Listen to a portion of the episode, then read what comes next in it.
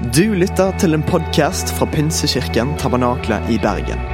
Vi tror at kirken skal være en plass hvor mennesker trives gjennom alle livets faser.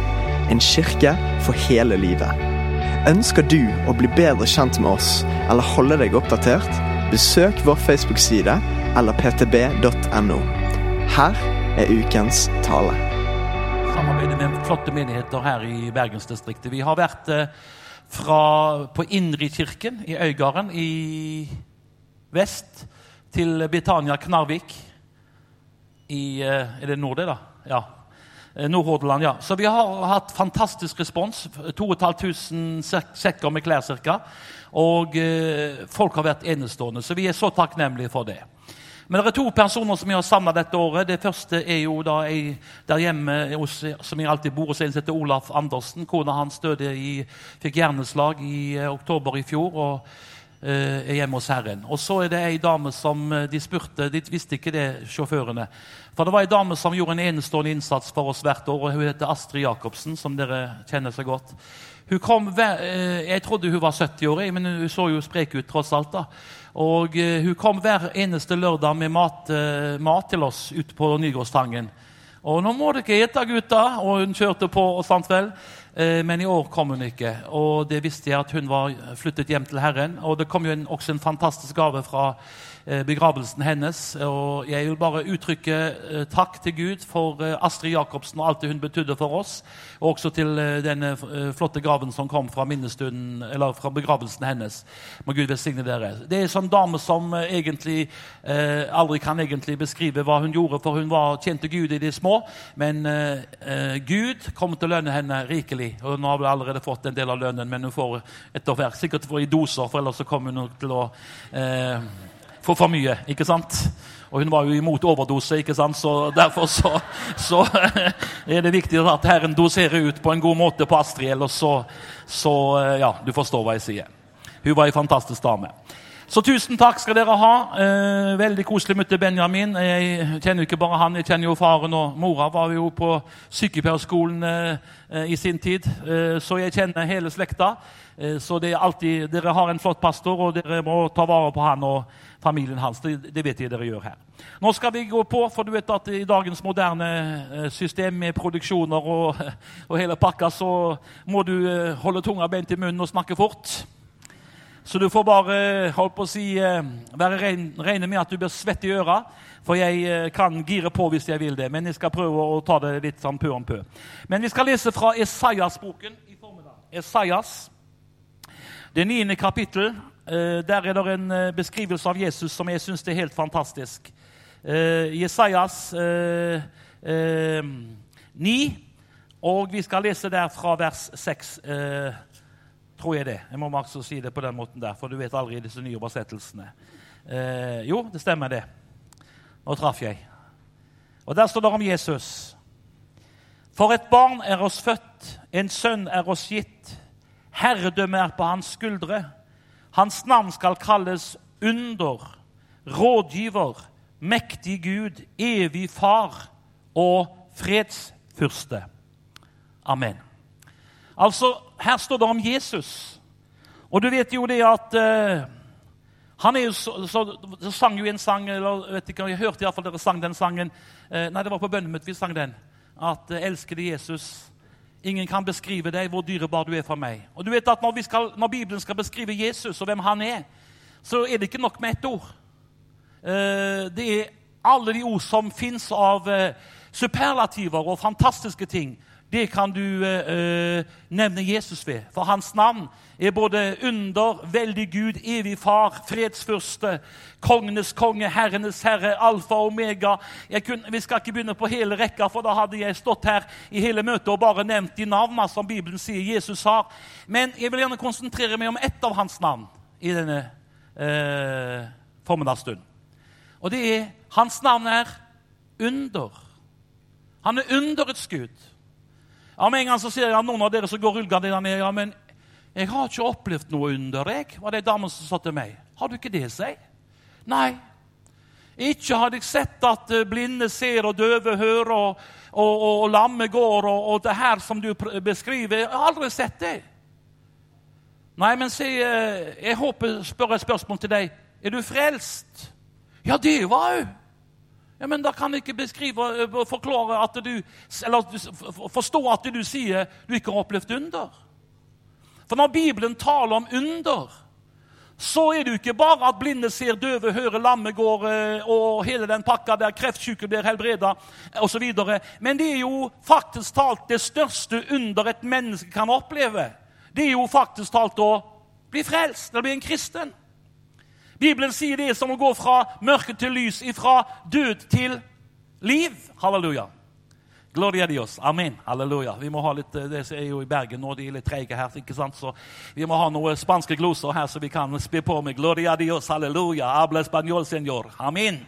Halleluja. Para mí, para ti, para todos. El, el, evangelio es buenas nuevas para mí, para ti, para todos. Halleluja. Gloria Dios. Halleluja. Jeg må bare få noen liv her. I, ja, jeg ser det. Jeg merker jo det. Halleluja. Jeg er ikke helt blind. Men i alle fall så må jeg si det at eh, hvis du sitter her og sier du har aldri opplevd under, da må du revurdere hva du tror på. Fordi at har du tatt imot Jesus og blitt en ny skapning i Kristus, fått din synd tilgitt, blitt renset i Jesu Kristi blod, da har du opplevd det største under et menneske kan oppleve. For frelsen, den er faktisk talt det, det er den, det største under du kan oppleve. Du har lest om han mannen som kom gjennom taket i Bibelen, Markus 2. De senket han gjennom taket, for det var ikke sjanse til å få han inn på en annen måte. Så de brøyt opp taket, senket han ned, og så hang han der i løse lufta foran Jesus. Alle visste han var lam. Og De bare forventa at han, Jesus skulle da eh, helbrede han, så han kunne springe hjem, ta sin seng og gå hjem. Og det skjedde jo. Men før Jesus hør nå, rørte ved han så han ble helbreda, hva står det at han sa til han når han kom gjennom taket? 'Sønn, spring av fryd og vær helbreda', sa han det til ham. Han står ikke det. Det står 'Sønn, dine synder er deg tilgitt'. Ja, Men Jesus, er du blind? Forstår du ikke at den mannen der han er lam og han trenger å bli helbreda? Jo, Jesus visste jo det. Men han tok og ordna opp med det største problemet først. Han tilga han synden. Han renset han ved sitt ord. Og så sa han etterpå, ta din seng og gå hjem til et hus. Hvorfor sa han din synd er det tilgitt først? Jo, for du forstår, min venn, at det viktigste underet er å få sin synd tilgitt. For du kan være blind og gå til himmelen. Du kan være døv og gå til himmelen. Du kan være full av kreft og gå salig hjem til herligheten, men du går aldri til himmelen uten at din synd er tilgitt. Derfor er det det største som har skjedd med meg. Nå har jeg jo blitt 60 eh, år. Jeg vet at det er et sjokk for flesteparten av dere. For jeg har jo bølger i hår og vann i knærne, ikke sant? så jeg ser jo ikke en dag ut eldre enn 45. Men åkke som. Halleluja. Så må jeg jo si det at eh, da jeg ble frelst i 1973, så, så, så tenkte nok folk det, og sa det også, at eh, ja, det der, der kommer ikke til å vare. Han kommer til å være like gæren og vill som han alltid har vært. Men det som er det største i mitt liv ja, Jeg tror jeg kan si uten å være selvskrytende eller prøve å være noe i sentrum sjøl Jeg har sett blinde se, jeg har sett døve høre, jeg har sett kreftsyke bli helbreda, jeg har sett folk komme ut av rullestolen. Jeg har sett alt det der. der. Men det som er kanskje det største for meg, ikke bare kanskje, men det som er det største for meg, det er dette, halleluja, at min synd er tilgitt, at jeg er rensa i Jesu blod, at jeg er Guds barn i dag. For meg er det Halleluja. Det er Gloria Victoria, seier i Gaza. Halleluja. Det er, ja, Den forsto du ikke helt. Det var en nyfrelst som kom til meg og så sa han kan, han hadde blitt bedt for han skulle bli døpt i Den hellige ånd. og så, så, skulle jeg teste om det han hadde fått, var ekte. Ja, bare kjør på, så jeg tenkte jeg må være snill mot disse nyfrelste. Så løftet han hånda og sa han, Gloria Victoria, seier i Gaza. Og så sa han til meg, 'Var det Herren?' Ja, sier det hørtes bra ut, sier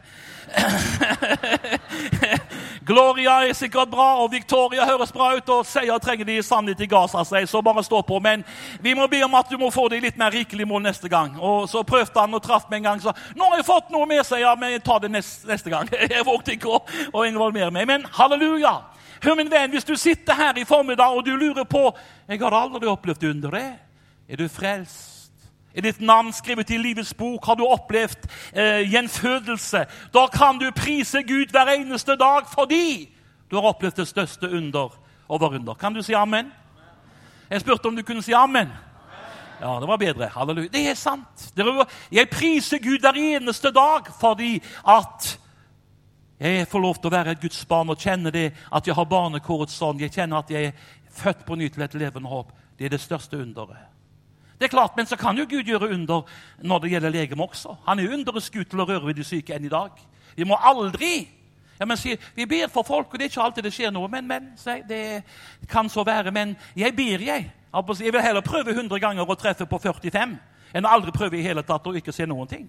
Så jeg ber for folk. Og han gjør under i dag. Ikke bare i Ukraina og i Afrika og i Chile eller hvor det er i sør. Han gjør under i Norge. Jeg har venn, et vennepar borte på Karmøy. Han heter Robert, og hun heter Mona. Vet, noen av dere kanskje kjenner dem. Artige folk. Og han eh, eh Jeg besøkte far hans når jeg var nyfrelst. Og når han hørte at eh, faren hadde sluppet meg inn i huset, så var han livredd at eh, hele huset skulle tømmes før etter at Bibelen hadde blitt lest. For han kjente meg fra mine fordomsdager, ikke sant? så han var veldig skeptisk. Men jeg ba for, fra faren til frelse og ba han hadde et åpent kjøttsår, og, og det, det, det, tørka inn og ble helbreda eh, osv. Og, og så hadde ikke jeg mer kontakt med Robert, for han trodde ikke på det som hadde skjedd i mitt liv. Men så ble han, eh, flytta han til Karmøy og fikk ei kone der. Og hun hadde da alvorlig sykdom. Hun hadde faktisk talt eh, så høyt kolesterol. Hun hadde også MS. Men hun hadde så høyt kolesterol at eh, det var 13,1 på disse verdiene. Og det er veldig, veldig høyt. Så de sa det at eh, det hadde med en sånn genetisk feil å gjøre. Og legen sa det at du er så syk at du kan dø når tid som helst pga. det høye kolesterolet. Blodet kan tjukke seg i årene på deg. Og da som den der på Karmøy er det, eh, veldig, det er Norges mest religiøse øy. De sier det at enten du er pinsevenn eller så er du alkoholiker. og det, mellom, det er ikke så mye mellom der. Det er, det er veldig kristent eller veldig sånn eh, utagerende. Ikke sant? Det, det, er klart det er overdrivelse, men jeg sier det som det er. Sånn er det bare. Vi har, vi har alltid den gaven vi fra Haugesund til å oppmuntre Karmøybuen. Så hvis det er noen fra Karmøy her, så får du unnskylde meg.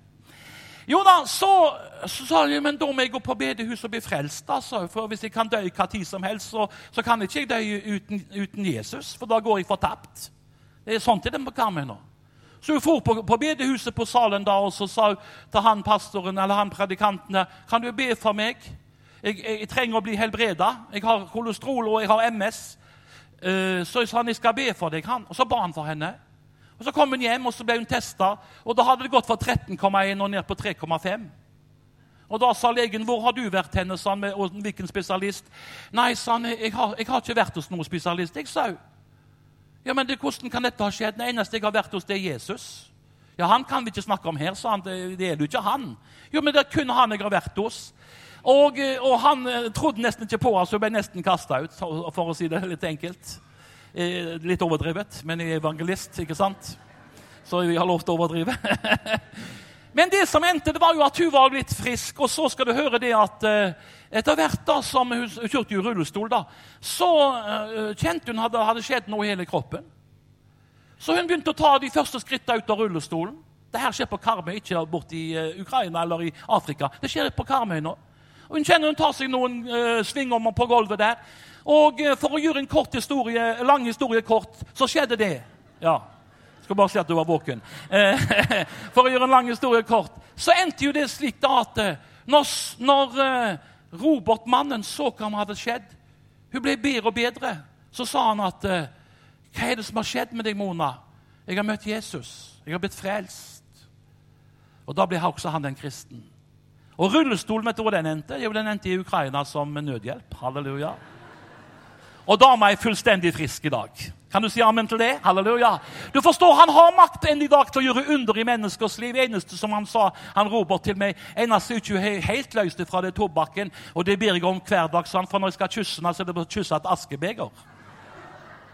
Så jeg vil anbefale de som eh, har det problemet, å søke forbønn, så du kan bli løst fra det også. Men det, det hører med i pakka. Halleluja. Gud kan gjøre under i menneskers liv enn i dag, for han er under. Han er her for å gjøre under i ditt liv. Og Han ønsker å berøre deg og vise deg at når du har opplevd frelsen, så er det det viktigste. Men hør hva jeg sier til deg. At han ønsker å være med deg hver dag og hjelpe deg i alle situasjoner. Det tredje underet som jeg må si er kanskje det største underet for meg, det er at jeg er bevart som en kristen. Som sagt så sa de til meg når jeg ble en kristen, for jeg var en pøbel og den greia der pluss moms skal jeg ikke si så mye mer, jeg orker ikke snakke mye om fortiden, men jeg var ganske berykta for det livet jeg levde. Men når folk så at jeg hadde blitt en kristen, så sa de det varer vel i 14 dager, så er han like gæren og vill som han alltid har vært. Men nå har det vart i over 40 år. Og jeg har vært igjennom litt av hvert. Jeg har vært på møter i Bosnia når vi planta inn i krigen der, da hele huset skalv. Og jeg trodde det var apostlenes gjerninger på ny, men det var bare granater som falt på utsida. I fjor var jeg inne i krigssonen i Ukraina, og hadde ikke Gud holdt sin vernende hånd over oss, så hadde de skjøt på oss 15 soldater med maskinpistoler. Og det var bare egentlig millimeter før de traff feil, holdt på å si, og likviderte oss alle. Eh, denne metallgerbataljonen som angrep oss på vei ut. Da hadde vi hatt et møte for 3500 eh, eh, mennesker i krigssonen. Vi så 2200 søkte frelse og ba frelsesbønn på ett møte. Men på veien ut da holdt jeg på å bli likvidert. Men de to damene som var med, de falt på kne midt oppi søla, for det begynte å regne. Og de løfta sin røst og ropte til Jesus om bevarelse. Og på en eller annen merkelig måte så skjedde det altså at uh, ting snudde. De sa OK. Og Selv om de knuste nesten på han pastoren og knakk armen hans, og de sa de skulle likvidere hans først, og så skulle de begrave han, og skulle ta oss etterpå. Men så jeg vet altså at livet ikke bare går på skinner. Mange ting har jeg oppgitt gjennom livet. Så derfor at jeg er en kristen i dag og bevart og står foran dere, det for meg er et enda større under enn om jeg har sett blinde ser og døve høre. Dette her å være bevart. Og vi lever i en tid dere, hør hva jeg sier til deg, som er så influert av en fremmed kultur. Jeg leser litt på nettet. Nå ser jeg at det, det der med flerkoneri er i ferd med å komme inn i Norge. Det var en dame som sto på NRK Nett i går, som mente at det var helt normalt å være gift og ha, elske, ha en elsker der og elskerinne der. Og, og det er ikke vi som kristne er våkne den tiden, men bare fòrer oss med alt som er på nettet, så kan vi bli så influert at det å være være verslig i gamle dager var jo det å, å holdt på å si, eh, å ha øredobber og, og, litt sminke på seg. Eh, det, med, det, er ikke der versligheten sitter. Den sitter i sinnet vårt. Det står at vi skal ikke skikke oss lik denne verden, men bli fornyet i vårt, i vårt sinn, så vi kan kjenne hva som er Guds vilje. Det er der det sitter. Sminken har ikke noe med saken å gjøre i det hele tatt. Ja, Det likte du ikke. Ja, det var en, skal ta den da. Det var en eldre dame som kom med på Karmøy nå skal ikke si navnet på henne, for da blir jeg uvenner med flesteparten av dere. Men det, hun var oppe i åra. Og så sa hun til meg, 'Hasseløy, ja, er det synd å sminke seg?' Hvorfor spør du meg om det? Så jeg har jo ikke snakket om sminke. jeg. Nei, men Det var en predikant som var her i forrige uke sa når han sa det var synd å sminke seg. Så så jeg på henne. Hva mener du med det? Mener du det samme? Nei, sier det mener jeg ikke. Jo eldre du blir, jo mer trenger du, sier og, så, og så sa hun til meg det at uh, Ja, men uh, hva mener du med det? Hun likte ikke helt den.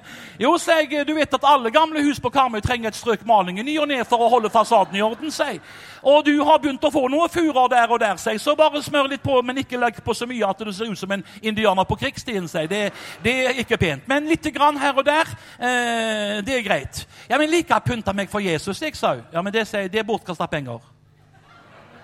Hva mener du? Jo, Bibelen sier helt tydelig det sier at Gud ser ikke som mennesker ser. Han ser ikke til utvortes, han ser til, hjertet. vet du, sier. Så hvis du pynter deg, vær nå ærlig og si at du pynter deg for de som kom på møte. Og det er helt i orden, sier Men bevar ditt hjerte framfor det du bevarer, for det er det viktigste å bevare seg. det er hjertet ditt. Og Jeg må si dere, jeg er ganske overraska i den tiden vi lever. Det er ikke ofte kanskje folk spytter litt ut om slike ting, men i dag er det, er det viktigere enn noen ting at vi tar vare på livet vårt som kristne.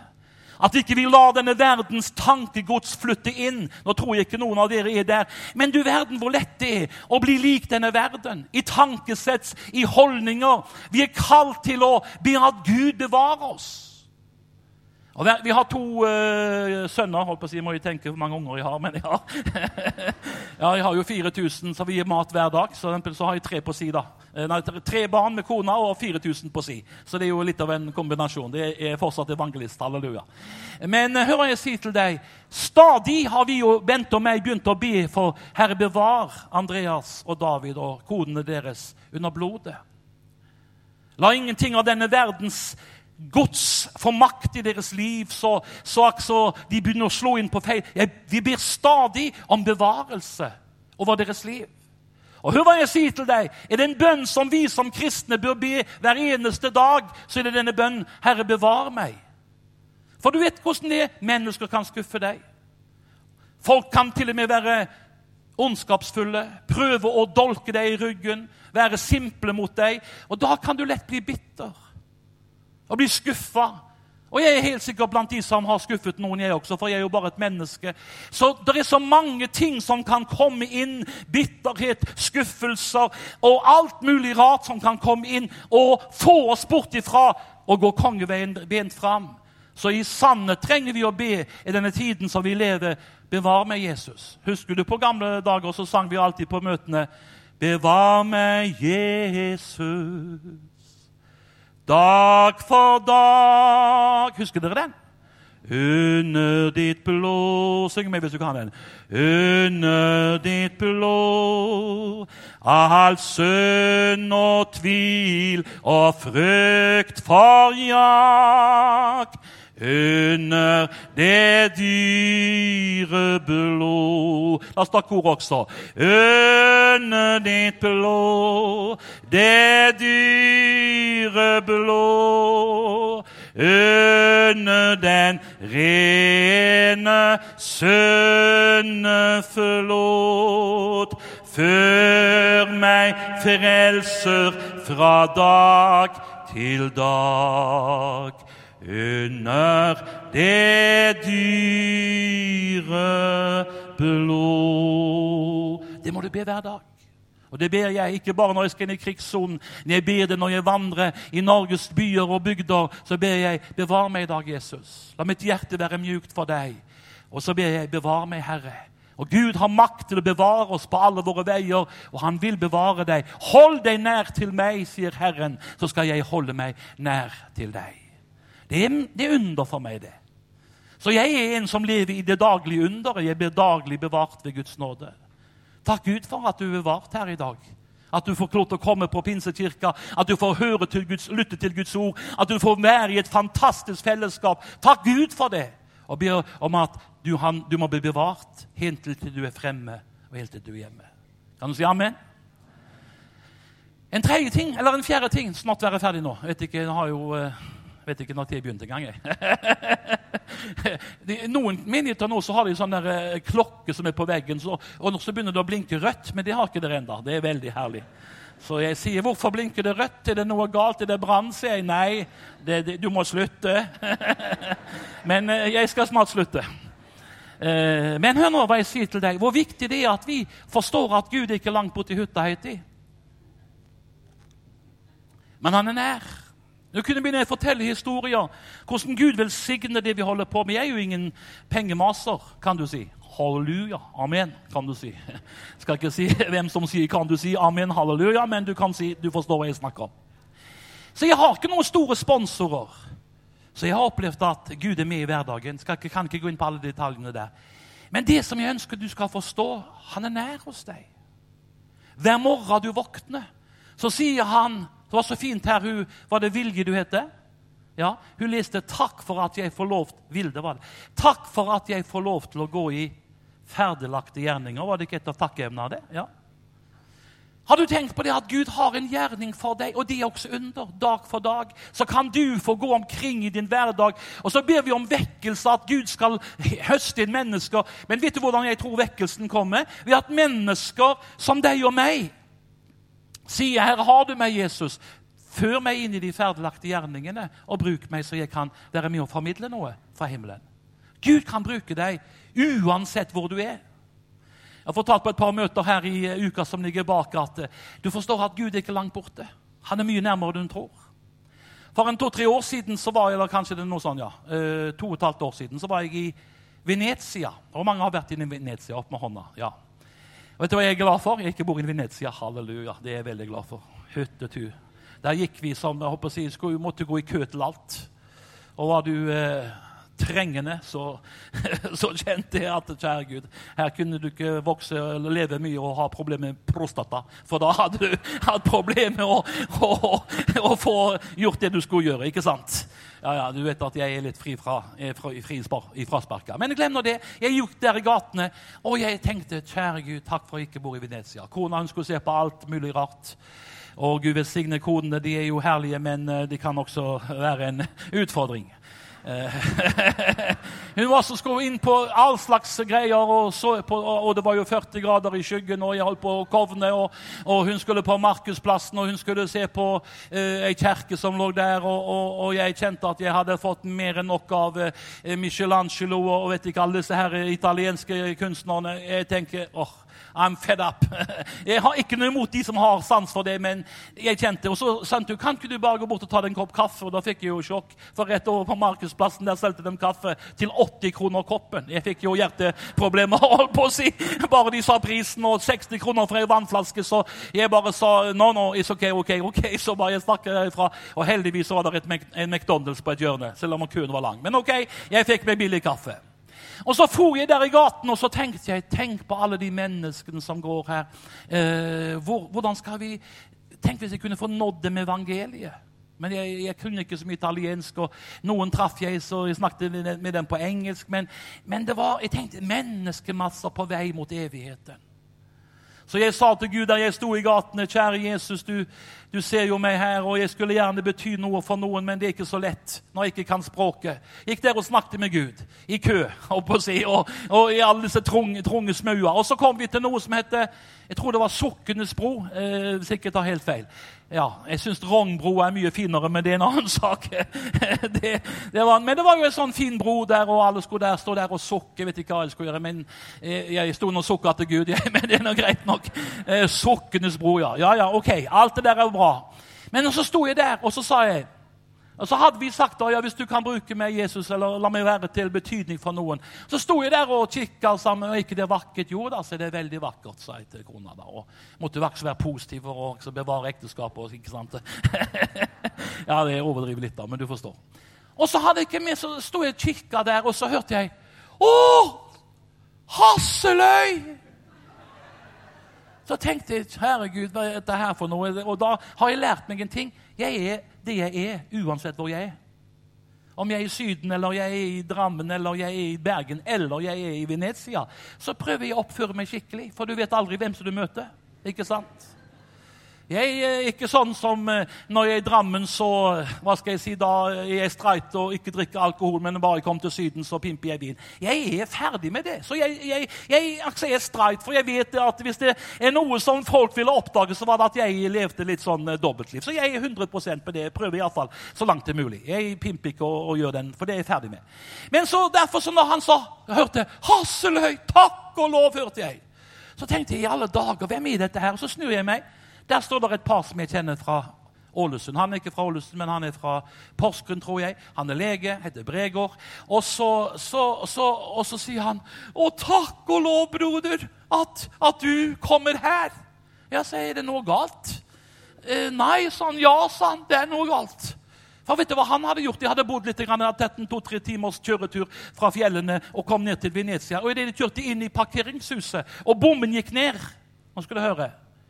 Så oppdaga han at han hadde glemt lommeboka. Kona hadde glemt lommeboka. De hadde ikke fem øre, noen som, som, og så skulle de bruke hele dagen i Venezia. Og så sa han ikke kommer vi oss ut av parkeringshuset, for vi har ikke kredittkorten. Alt er vekke. Ikke har vi penger. Ikke har, ikke, og jeg er redd, sa han som lege. Her skal jeg gå i 40 eh, graders varme. Ikke har jeg noe å drikke, ikke har vi noe å spise. Og da sa han vi var så fortvila. Dette er håpløst. Ikke kommer vi oss ut av parkeringshuset. Ja, si, Det var noe forferdelig trist. Ja, det er det, er sant. Så, men da har du to alternativ. Det er jo det også som eh, Vi kan være der, noen av oss sier til kona. Var ikke det du som skulle ta vare på lommeboken? altså, Vi kan begynne å anklage hverandre. Men som de sa, det, det gjorde de ikke. Men de, vet du hva vi gjorde sånn? Nei, sa. Det vet jeg ikke. For bare noen minutter siden tok vi hverandre i hendene og sa vi, Kjære Jesus, du ser vår vanskelige situasjon. Kan du ikke sende en person til oss midt i disse mylder av mennesker som vi kjenner, og som har penger? Det ber vi om i Jesu Kristi navn. Og jeg må si det, jeg berømmer dem som har forstått det enkle som Jesus sa. Be, så skal du få. Let, så skal du finne. Bank du på, så skal det åpnes opp for deg. Og så gikk de rett, rett rundt et gatehjørne ved Soknes bro, og der sto halleluja! Brother Halvard Hasseløy! Yes. Og så sier jeg wow, så det er jo sterkt å høre. Ja, du er et bønnesvar for oss, du broder, sa han. Du kommer som sendt ifra himmelen. Vi har kikka, det var ikke én, men der kom du. Og så sa han, men nå er jo det store spørsmålet har du penger? Da bare så jeg på han som sier, No problem, my friend. My name is Johnny Cash. så sa jeg penger, sier det, det, de går jo alltid med seg. Hvor mye trenger du? Det, ja, har du 100 euro? 100 det holder ikke for dere fire-fem, sier Nei, vi trenger mer. Ja, sier du kan få. Hvor mye skal du ha? 300? Nei, 200 var nok. Og så bladde jeg opp, for jeg går alltid med penger. Jeg kommer aldri til kort. Halleluja. Jeg, jeg, jeg går alltid med penger i lomma. Jeg skal jo dele ut til sjåfører og, og, litt av hvert. Så jeg bladde opp 200 euro og sa vær så god, her skal du ha. Og når han da klemte meg, så sa han du er som et guddommelig bønnesvar. Hadde ikke du kommet, så hadde vi ligget veldig dårlig an. Og da tenkte jeg på det. Wow! Tenk at Gud han er ikke lenger borte enn en bønn. Og så vil han at vi skal komme inn i de ferdiglagte gjerningene, så vi kan være et svar på menneskers bønn og bety et under. For han skal jeg si det, han sa du skal få igjen med renters rente, sa han. Og det gjorde han. Han ga meg pengene som jeg trengte, og kom en kraftfull gave til misjonen. Så jeg takker Gud for at den som sår, han får høste. Halleluja. Skal ikke si beløpet, men da hadde du fått mista parykken. Så det, det, det, det, legger vi til side. Men hvilken velsignelse å kunne leve livet! Og når du er ferdig her nede, så kan de si, når de dør, da, som Astrid Jacobsen de sa om Takk, Jesus, for det var ei dame som het Astrid Jacobsen. Og jeg ønsker å leve livet i Guds verdelagte gjerninger og i Guds under i dagliglivet på en slik måte at den dagen jeg må legge inn årene, så sier folk takk Gud for at det fantes en mann som heter Halvard Hasløy. Eller i Russland kan de si 'spasiba bora'. Det var, ikke, det var riktig russisk. Halleluja. Tenk du at du kan bety noe for, for mannen din, for kona di, Eh, for eh, barnebarna dine, for naboen din, for alle de mennesker du må møte på din vei. Det går an å bety noe. Og jeg tror at Den hellige ånd i daglivet vil legge det inn i vår ånd hva vi skal gjøre. Klarer vi et lite under til? Eller er dere, helt, uh, er dere i ferd med å gå inn i, i sovedvalus? Jeg, jeg har et lite under til som viser dette her, hvordan Gud er med i hverdagen. Det skjedde, Jeg snakket med hun dama på led 16, dvs. Si nå i i år. Ja, februar. Jeg satt der og snakket etter møtet. Han der, eh, Hva heter han for noe? som var, eh, Ikke Patrick, men Joakim Lundqvist, han som er blitt ny pastor. Jeg var litt skeptisk til Livets ord. må jeg si det. Ulf Ekman og konvertering og, og hele den pakka der. Jeg sier det på ofte på møtene at Ulf Ekman har fått ny lovsang-CD. Sier folk, ja, hva er det, sier folk til meg. Å, Maria, jeg vil hjem til deg. Så jeg var litt skeptisk til den der eh, konverteringa. Jeg er litt sånn streit fram, så jeg, jeg, tenkte at det ble litt for mye Marie. Men han Joakim var fin. Han var veldig fin. Han var helt topp. Så det forundra meg positivt. Og så satt jeg etterpå, så spurte jeg et par som satt der. var Kjell Bugge Halvorsen, og så var det en som het Skavern. Er det ikke en som heter der fra Elverum? Kona heter Hege. Og så sier jeg til henne Hadde du hørt han der Joakim før? Ja. Vi hørte han eh, på Lillehammer i, i høst. Og jeg sa var det bra? Kjempebra. Ja, og Da fikk jeg en opplevelse som er litt ny. For han sa at når vi ber nå, så vil Gud legge inn i vår ånd hvem vi skal ta kontakt med og bety noe for i dager som ligger foran. Og vet du hva, sånn, Jeg tenkte at jeg er jo ikke helt den typen der med, for å bare løfte hendene og si Jesus. Og med en gang så fikk hun en tiltale i sitt hjerte. Ring til Arne. Det var naboen. Hørte navnet på naboen, altså naboen sin. Du må ringe til Arne og ta kontakt med han. Og Hun tenkte ja, men jeg har jo ikke snakket med han på, på, på 20 år. Og så kom, kom hun hjem, og så ringte hun til Arne og fikk det nummeret. Og så ringte hun, så sier, så sier hun Det er Hege, du. Kan jeg få snakke med Arne? Da sier hun som er kona, da viser det blir verre. Å, sa hun. Så hvorfor det? Ja, vet du hvor vi er nå, sa hun. Nei, vi er på Hamar sykehus. Arne ligger i koma. Vi har ikke hatt kontakt med han. Oi, sønn. Gud minte meg på å ta kontakt med han, og nå gjør jeg det. Ja, hvis du vil snakke med han, sa kona. Tenk på at hun som ikke var noe aktiv kristen, hun sa du kan jeg legge telefonen på øret, så kan du snakke på telefonen. Og så sier Hege til han på telefonen Arne, hvis du hører meg, så vil jeg si at Jesus elsker deg. Han ga sitt liv for deg, og, og, og hans favn er åpen. Du kan ta imot frelsen. Selv om du ligger i koma, så tror jeg at hvis du hører meg, så påkall Jesu navn. Noe i den du sa. Gud velsigne deg. Og Så fikk hun telefonen tilbake kona, kona, så sa han, 'Har du sagt det du skal si ja?' sa hun. Og så sier, så sier uh, Hege Og så tenkte jeg, kjære Gud. Og så sier hun Vet du hva som skjer? To timer etterpå så dør Arne. Hvem var det som visste at en mann ligger i koma, og som har to timer igjen å leve? Jo, det visste Gud. Og hun Hege sa jeg ble så forundra over at Gud betalte til meg, så jeg kunne få tale inn i hans liv. Hør, min venn, hva jeg sier til deg. Så kom begravelsen, og så sier kona jeg vet ikke hva du sa til Arne, men før han døde, så Før du ringte, så var han urolig, og jeg så frykt. Men etter du hadde sagt det du gjorde, så folda han hendene, og så kom det en fred på han. Og sånt gikk han inn i evigheten. Du kan bety mye mer for mennesker enn du kan fatte. Derfor vil Gud gjøre under for deg i hverdagslivet. Nå har jeg sikkert preka for lenge, så jeg skal gå inn for landing og si det nå. At jeg kjenner Den hellige ånd her, og han ønsker å påminne deg på dette enkle budskapet at du har kanskje fått litt forbi mot under, tegn og mirakler, for du har hørt om det i store, volumiøse uttrykk. Men Gud ønsker å påminne deg om at han er fortsatt underets Gud. Han har frelst deg, han har bevart deg. Han har holdt sin vernende hånd over deg. Og han vil så gjerne bruke deg, for aldri før har det vært mer nødvendig for Guds forsamling å være i overgivelse til Guds vilje enn det det er i vår tid. Han ønsker at vi skal få oppleve daglige under i vår hverdag. Og tenk hvis vi alle kunne sagt til Jesus fra i dag av Jeg skal ikke pålegge deg det som noen tvang, men tenk hvis vi kunne alle enda mer sagt Jesus, her har du meg. Ta meg, bruk meg og send meg til mennesker som jeg kan bety en forskjell i livet. Da ville du oppleve daglige under. Skal vi bøye våre hoder og være innenfor Herrens åsyn? Halleluja. Jeg kjenner Den hellige ånd er her. Og jeg kjenner jo ikke så mange av dere, jeg kjenner noen ansikter. Men Den hellige ånd er her, og han taler inn til deg og sier at jeg har behov for deg. Jeg har bruk for deg. Jeg har kalt deg. Jeg trenger deg. Det er ikke bare de som er i lederskap og pastorer, men du har jeg utvalgt.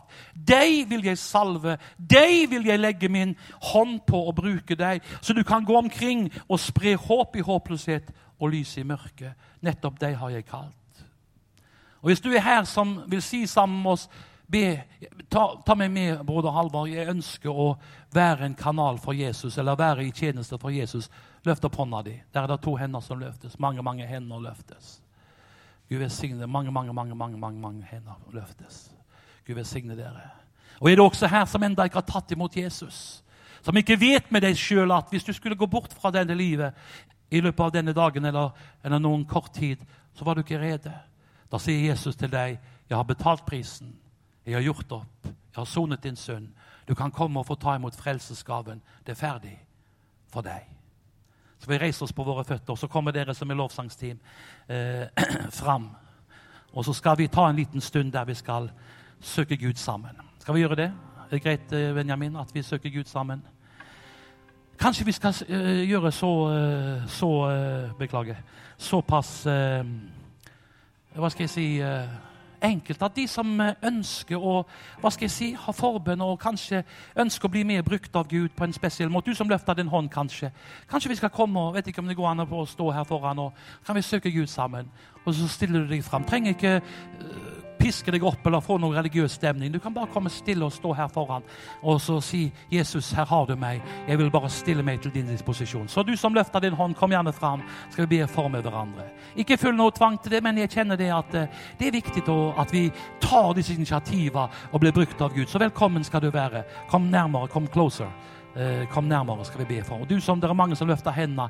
Kom fram, så skal vi be for deg. Eller er du her som er syk i ditt legeme, så kan vi legge våre hender på deg og be troens bønn for deg, at Gud skal bruke deg.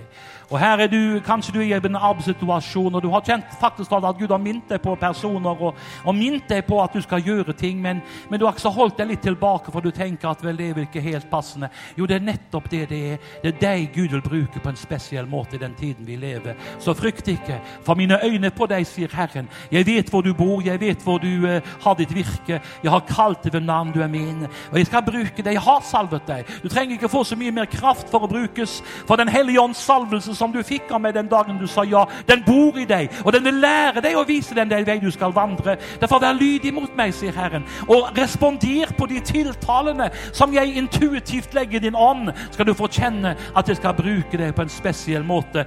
Og være et svar inn i menneskers livssituasjon et bønnesvar til dem som trenger det. Halleluja.